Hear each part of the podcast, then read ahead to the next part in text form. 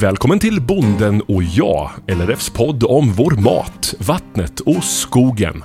Kort sagt ämnen som berör oss alla. Och intresset för lammuppfödning det växer i Sverige. Produktionen ökar, men konsumtionen ökar i ännu högre takt. Vilket gör att importandelen ligger på cirka 65 procent. Det skriver Svenska Fåravelsförbundet. Gudrun Haglund Eriksson, nordost om Askersund, hon är lammdjursproducent med 500 tackor. Hon är också rovdjursansvarig i LRF Örebro. Lamm och rovdjur, ja det är minst sagt en utmaning i hennes trakter. Vi har haft angrepp allt från ett par får till 49 tackor till utskrämda stutar, 43 stycken utskrämda stutar. Som tog sex veckor att fånga in. Ingen dödad men de var ju svårt att få djur av dem igen. För de, djuren blir så stressade. Även om de inte har varit med om och blivit liksom sargade så upplever djuren en stress. Det här stora angreppet vi hade i Askersund på får, de djuren togs ju in, stod inne en vecka och så släpptes ut. Första natten så satt en eh, spårare från Länsstyrelsen med i hagen Inget djur la sig på hela natten. Och det talar lite om hur stressade djur, och då har man varit ifrån det betet en hel vecka. Det allra största angreppet norr om Örebro, det var ju, det är säkert tio år sedan nu med 49 får. Och, och där hade de ju då skrämt fåren över en invallning vid en å. Så de hade liksom drunknat en del och en del var tagna. Så att de hade ju flytt iväg en del längre bort. Det andra stora angreppet vi hade i Askersund för två år sedan, det var innanför rovdjursavvisande stängsel där de hade grävt sig in. Och eh, där hade de tagit 29 får totalt som dödade och avlivade sen. De hade grävt sig in? Ja, under ett sånt här fungerande stängsel. Var det vargen då? Det var vargen. Och din uppgift när du kommer och, träffar de här människorna som är, som är drabbade. Vad säger du? Vad gör du? Ja, många gånger är det ju, vad, vad ska man säga? För det, det är ju bara bedrövligt. Och, och, och sen är det ju så mycket som måste ske praktiskt just då. Allt från liksom ta rätt på de djur som faktiskt lever och ta, kolla vilka som är skadade. Behöver de ha veterinärvård? De som är döda, de är ju redan döda.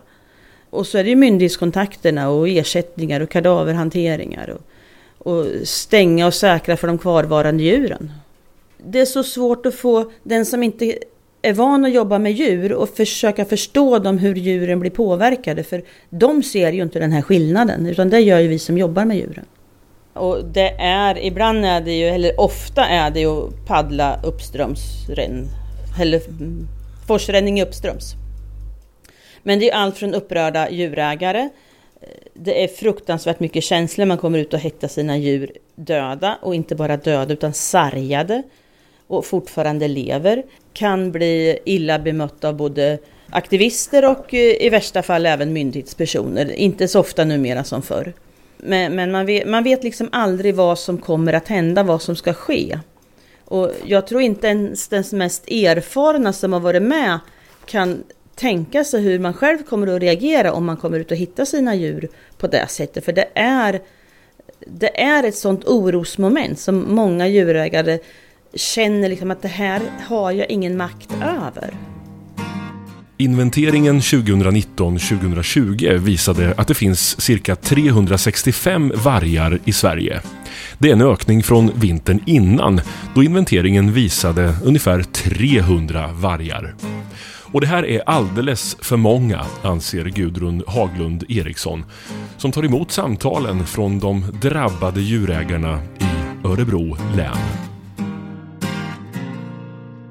ofta har det ju hänt någonting, något angrepp, djur skrämda, eller att de funderar på jag tänkte sätta upp det här stängslet, vad ska jag tänka på? Och vilka regler gäller för det? Och hur, kan man göra det här? Jag har jättemycket olika funderingar.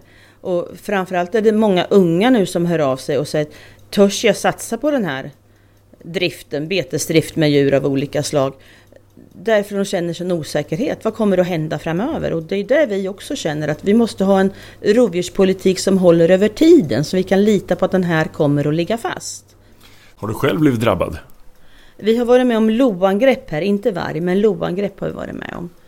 Men då har vi hittat döda djur som har varit döda, inte de här sargade djuren. Och på årsbasis så tar lo lika många får som vargen. Och det är ju det här samlade rovdjurstrycket som drabbar oss ännu mer. Vi har ju både björn, vi har lo, vi har varg, vi har kungsörn och järven börjar komma ner i norra änden på länet. Så är det för mycket prat och debatt om bara vargen tycker du? Vargen är den som ställer till störst bekymmer, så den är ju det stora problemet. I norr är björn det stora problemet. Lo kan bli jätteproblem lokalt, men de är inte riktigt så radikala som vargen, så vargen är det stora problemet. Det finns ju alltid två sidor av ett mynt, eller hur? Mm. Och jag förstår absolut er alltså djurägare och er oro. Om man tittar på den andra sidan då som pratar om ja, men rovdjuren, det är en del av vår natur. Vad tänker du om det? Där håller jag ju med en del om att det är en del av vår natur. Men den kan ju inte få ta över. Om vi ska beskriva helheten just nu så har ju vargen en stark ökande tillväxt. Den är ju inte utrotningshotad någonstans. För jag menar, början på 80-talet då hade vi ett par individer och nu har vi 365 inventerade vargar. I? Landet. Här i länet har vi 50 individer ungefär. Och på vår lilla yta här i länet så är det ju en av de tätaste vargstammarna vi har i landet. Och, och, det håller inte över tid att ha det så här täta stammar som vi har. Utan vi måste ju glesa ut stammarna, ha ner totala antalet och sprida på dem över hela landet så vi kan leva med de här. Annars klarar vi inte av det.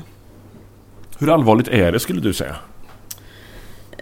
Under 2010 till 2015 gjorde Länsstyrelsen i Örebro en riktigt eh, omfattande undersökning om påverkan av varg och lammproduktion.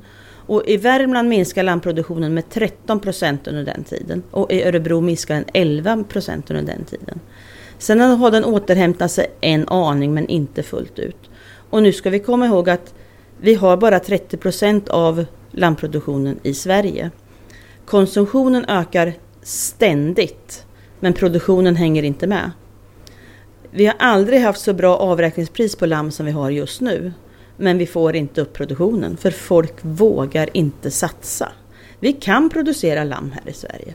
Och här måste vi synkra ihop de här olika målen som finns. Livsmedelsproduktionen, miljömålen, rovdjurspolitiken och se att de kan saxa ihop. Vi kan inte ha en växande rovdjursstam om vi ska ha en ökad livsmedelsproduktion.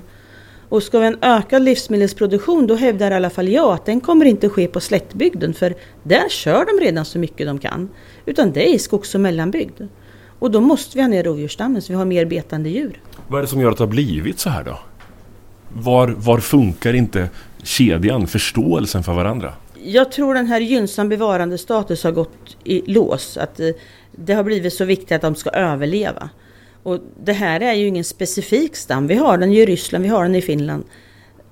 Så, så att det, den här gynnsam bevarandestatusen, det är olika forskargrupper som har kommit fram till olika saker. Första forskningen så sa 100 individer. Och så skickade de efter en ny forskning för den var inte riktigt bra. Ja, den sa lite mer och så en ny. Så liksom hela tiden, man kan ju få forskning vart man vill om man inte sammanställer allting det här. Så rovdjurspropositionen som säger mellan 170 till 270 vargar, där någonstans kanske ligger sanningen. Och då kan vi skjuta bort rätt många vi har idag och ändå ha en livskraftig stam. Det här är ett ämne som går hand i hand med många andra poddinslag vi har gjort. Till exempel viltet som går och käkar upp grödor för spannmålsbönder. Och då finns det ju olika skolor och olika sidor av det myntet också.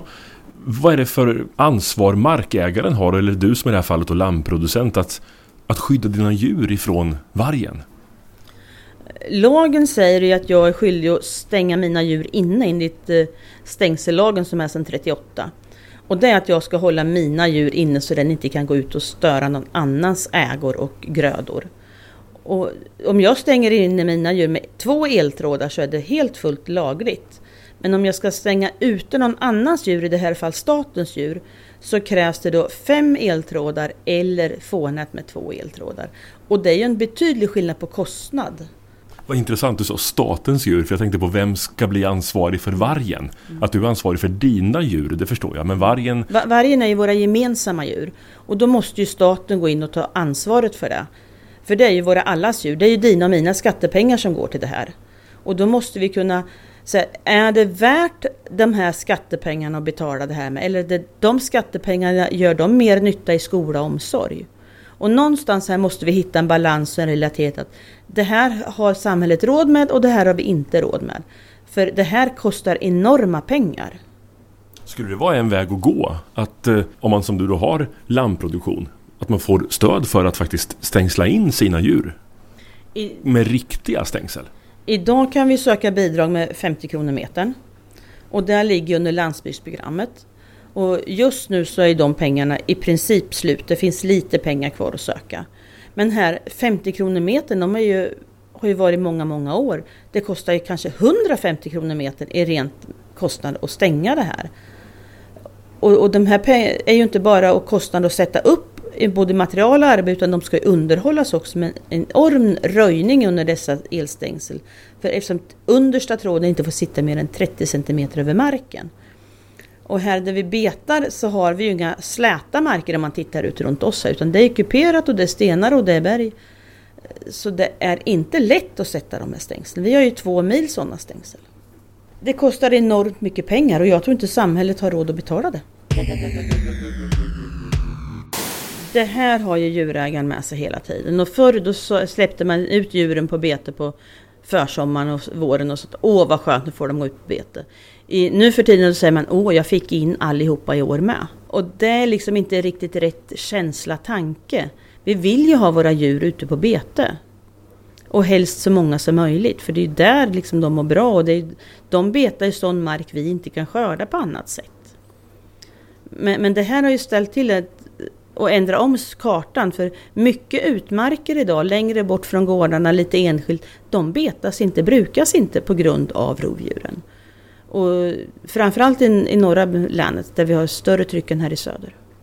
Hur hanterar man det som, som företagare och som, som människa, en sån tillvaro? Det är inte lätt att hantera det. Och många gånger är det, det har varit dålig lönsamhet, det blir massa andra problem, det har varit torka, det har varit... Och då får de ett rovdjursangrepp så blir det liksom droppen som rinner över och säger att nej, nu lägger vi faktiskt av. Det är så? Folk det, slutar? Det är så, ja. Det är så. Ja, man måste försöka stötta dem i sitt beslut. Och, och sen försöker, måste man ta med det här till politiker och säga att nu måste ni faktiskt göra någonting för att så här kan vi inte ha det. Vi kan inte både öka produktionen och samtidigt bli så många drabbade som inte vågar satsa eller rent av sluta med sin produktion. Vad får ni för svar från beslutsfattare och politiker? Enskilda politiker man pratar med dem är väldigt förståelse. Men sen när de kommer upp i riksdag regering så måste ju liksom alla tycka så för att det ska bli ett beslut. Och vi, tyvärr så har vi ju för få politiker från landsbygden som sitter uppe i riksdagen. Det är ju väldigt många storstadsmänniskor där. Så hur jobbar ni med frågan konkret då för att det ska bli en förändring? Har det blivit någon förbättring? Om man tittar tillbaka så har det blivit förbättring och man vänder sakta men säkert klockan åt rätt håll. Men det går ju för sakta. Och jag tror att många politiker de verkligen kämpar med att föra vår talan uppåt. Men, men det måste ju hända någonting. Vi kan ju inte liksom vänta och vänta och vänta. Vi måste hända något nu. Vad är det som har blivit bättre då på de här åren? Eh, bidrag till stängsel, kadaverhämtningarna. Vi har i alla fall fått upp, fått upp liksom det här till ytan att det är ett problem. Och eh, även mot Naturvårdsverket. Men, men sen går det liksom inte riktigt rakt igenom. När vi fick bidragen till kadaverhämtning och viss ersättning för hantering vid skador så lägger de, det är något som heter statsstödsregler. Och där är det ju ett maxat tak på tre år. Så om man får ett stort angrepp, får torkstöd, bygger någon gårdsbutik, ja då är man uppe i maxtaket och då får man ingenting istället. Just ämnet varg berör ju otroligt mycket. Jag tror att alla människor har någon åsikt om vargen. Och nu är inte den andra sidan här, om vi skulle säga de som förespråkar vargen. Men de har du mött och stött och blött med också förstår jag. Vad får du för argument därifrån och vad tänker du? Jag, jag förstår ju inte riktigt hur de tänker om jag ska vara riktigt ärlig. För att de går ju in då väldigt mycket på att den måste bevaras och den är utrotningshotad och vi måste kunna skydda våra djur och det är bara att sätta upp stängsel eller skaffa boskapsvaktande hundar eller andra åtgärder eller, eller ta in dem på nätterna. Vi har 1200 djur ut på bete. Jag menar, när ska vi köra in och ut de här och när ska djuren beta? Eh, det är liksom inte rimligt. Och om vi skulle ha sådana här boskapsvaktande hundar, det bör gå två i par och vi har tio flockar, det är 20 hundar. De äter för 500 kronor i månaden. Vad ska de göra vintertiden? Eh, och, och de här hundarna, vi har ju strikt hundägaransvar i Sverige. Om du går in med en tax i en sån beteshage så går du inte ut med den taxen igen. Utan de är ju till för att vakta. Så att det här det bygger på att de är nära gården, man har full koll på dem om det ska fungera. Det kan inte vara så att det ska gå någon allmänhet in till en badplats eller bara ut och ströva och plocka svamp eller så, för det funkar inte. Jag har ju hävdat i många år att vi skulle ha en utökad paragraf 28, att vi fick skjuta, vi får ju skjuta varg i hagen under rådande angrepp med två skott. Men att man fick vid ett konstaterande angrepp att man kan få skjuta runt hagen. Dels av skottsäkerhet och sen att man får det lite lättare för att skjuta just den vargen. Men jag skulle vilja gå ett steg längre idag och säga att vi ska anlita proffsjägare med hund. För det finns välutbildade hundar idag. Och då om de gick på det här spåret vid ett konstaterat angrepp direkt. Då kunde vi skjuta just den vargen omgående. Och där, de kommer tillbaka och gör återangrepp. Och idag finns det så många vargar så att vi kan ta väldigt många vargar på skyddsjakt. Och då får vi bort rätt individer direkt. Så det skulle fungera, spåra upp den vargen, för den kommer att komma tillbaka, det vet man. Ja. Dygnet efter så är det väldigt hög risk att den kommer tillbaka. Det är skillnad nu om de tar ett angrepp i reviren eller om det är strövar som går, för den kan ju bara gå och vandra vidare. Men när det är revir så har de en rutt ungefär och kommer tillbaka till samma plats var tionde dygn ungefär. Och synas. Och vi har haft angrepp allt från ett par får till 49 tacker till utskrämda stutar, 43 stycken utskrämda stutar. Som tog sex veckor att fånga in. Ingen dödad men de var ju svårt att få djur av dem igen. För de, djuren blir så stressade. Även om de inte har varit med om och blivit liksom sargade så upplever djuren en stress. När vi sitter i köket här så, så springer det massor med hundar runt om. Det är supermysigt. Är det en tanke med ja, Gör de någon nytta om det kommer varg på kvällen? Har du hört något? De här gör nog inte störst nyttan då. De, de skäller nog lite om det kommer någon ljud som de inte hör. Men de här är ju mest vallhundar och hjälper till att hantera djuren i dagligdags arbete. Men har du funderat på att skaffa hundar som faktiskt kan skrämma bort vargen härifrån? Nej, för jag tror inte det lämpar sig här. Vi har för mycket beten och folk som går rakt över så det funkar inte riktigt. Ska vi se. När man blir drabbad av en vargattack till exempel, vad finns det för ersättning man kan få? Eh, Viltskadecenter har ju tagit fram riktlinjer och för, förslag då till ersättningar för rovdjursskadade djur. Och då är det ju bara vid angrepp och eh, kringarbeten. Och där finns det då riktlinjer som man kan gå in och, och direkt se. Så en tacka där 2,8 så kan man få extra pengar för ekologiskt krav, medievissna, foträtt och status och sånt.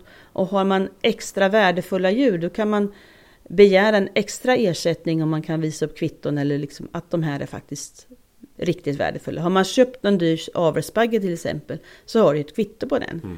Eller andra utskrämda typ avelstjuren eller något sånt här. Vad säger du om det då, ersättningsnivåerna?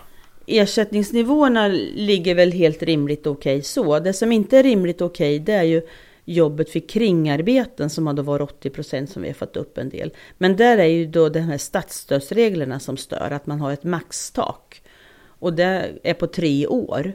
Så har man då ett stort angrepp och man har fått lite torkstöd eller några andra stöd, då går man upp i det här maxtaket. Då kanske man inte får någonting. För säg det här stora angreppet med 49 får och det kostar 1000 spänn per djur i kadaverhantering. Så är det 50 000 direkt som du ska stå för själv. Fast vargen har orsakat skadan. Och det kan inte vara rimligt. Ja, förutom att man förlorar djuret med allt vad det innebär.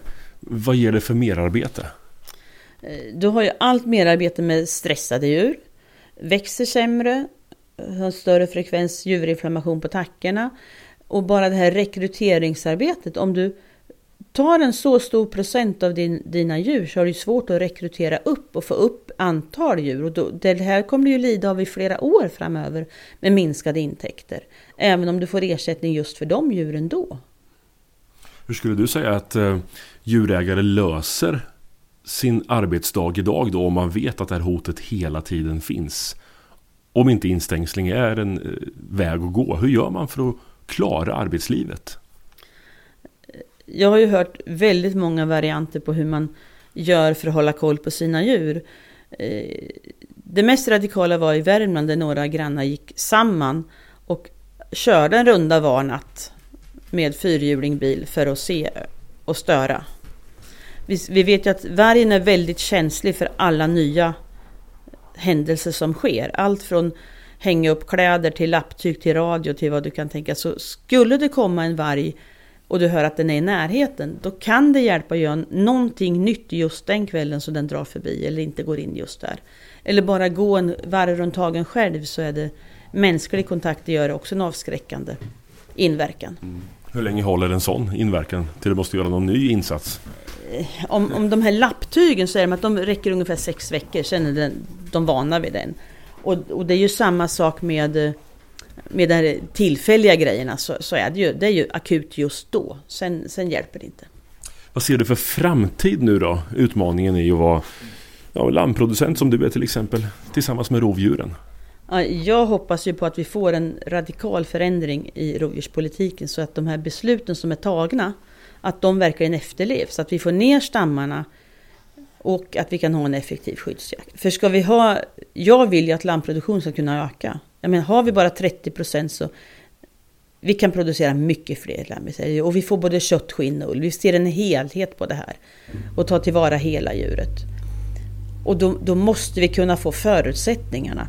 Och förutsättningarna är inte bara att pumpa in mer pengar till stängsel utan största förutsättningen är att få ner antal rovdjur. Det har ju varit en del rapportering, jag bor själv i Östergötland, att nu har vi ett eh, vargrevir. Man vet var de finns och man vet var de, hur många de är och sådär.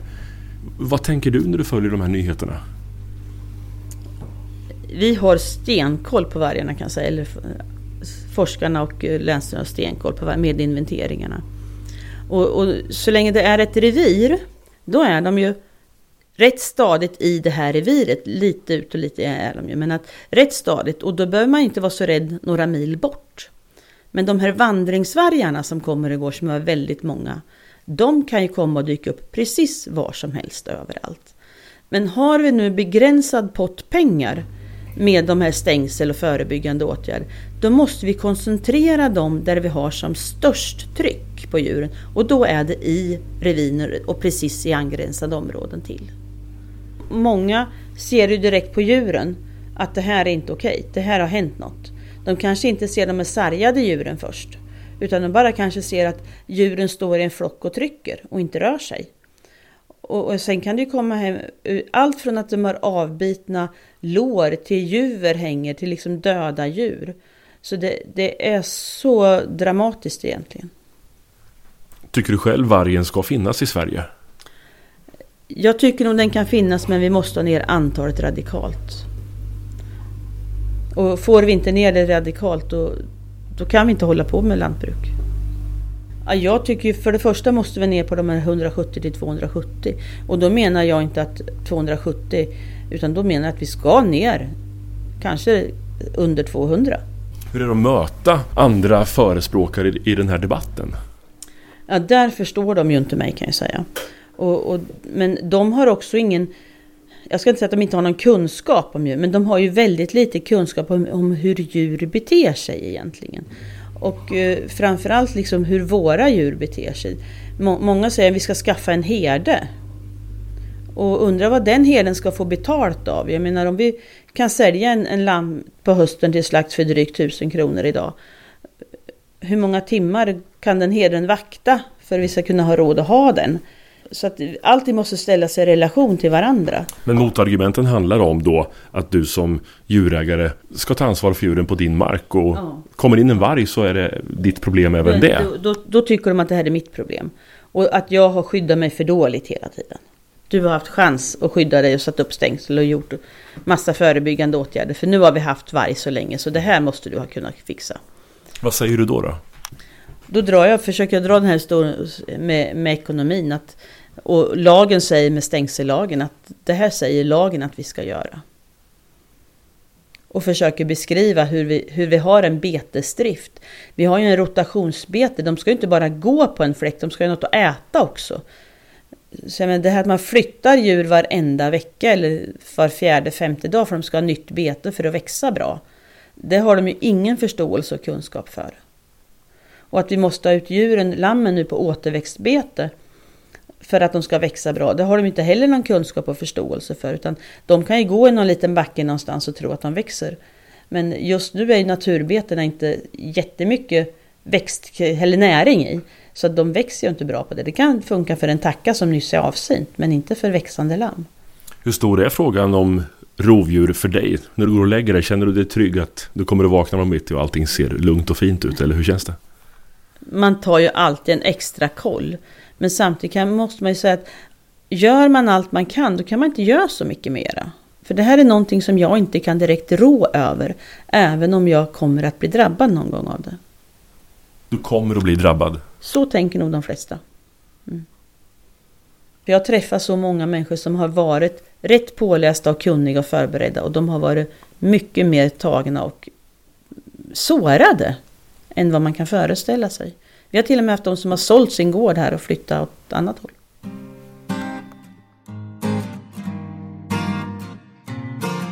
Du har lyssnat till Bonden och jag, en poddradioserie från LRF. Och för fler avsnitt och intressanta ämnen så klickar du dig bara vidare.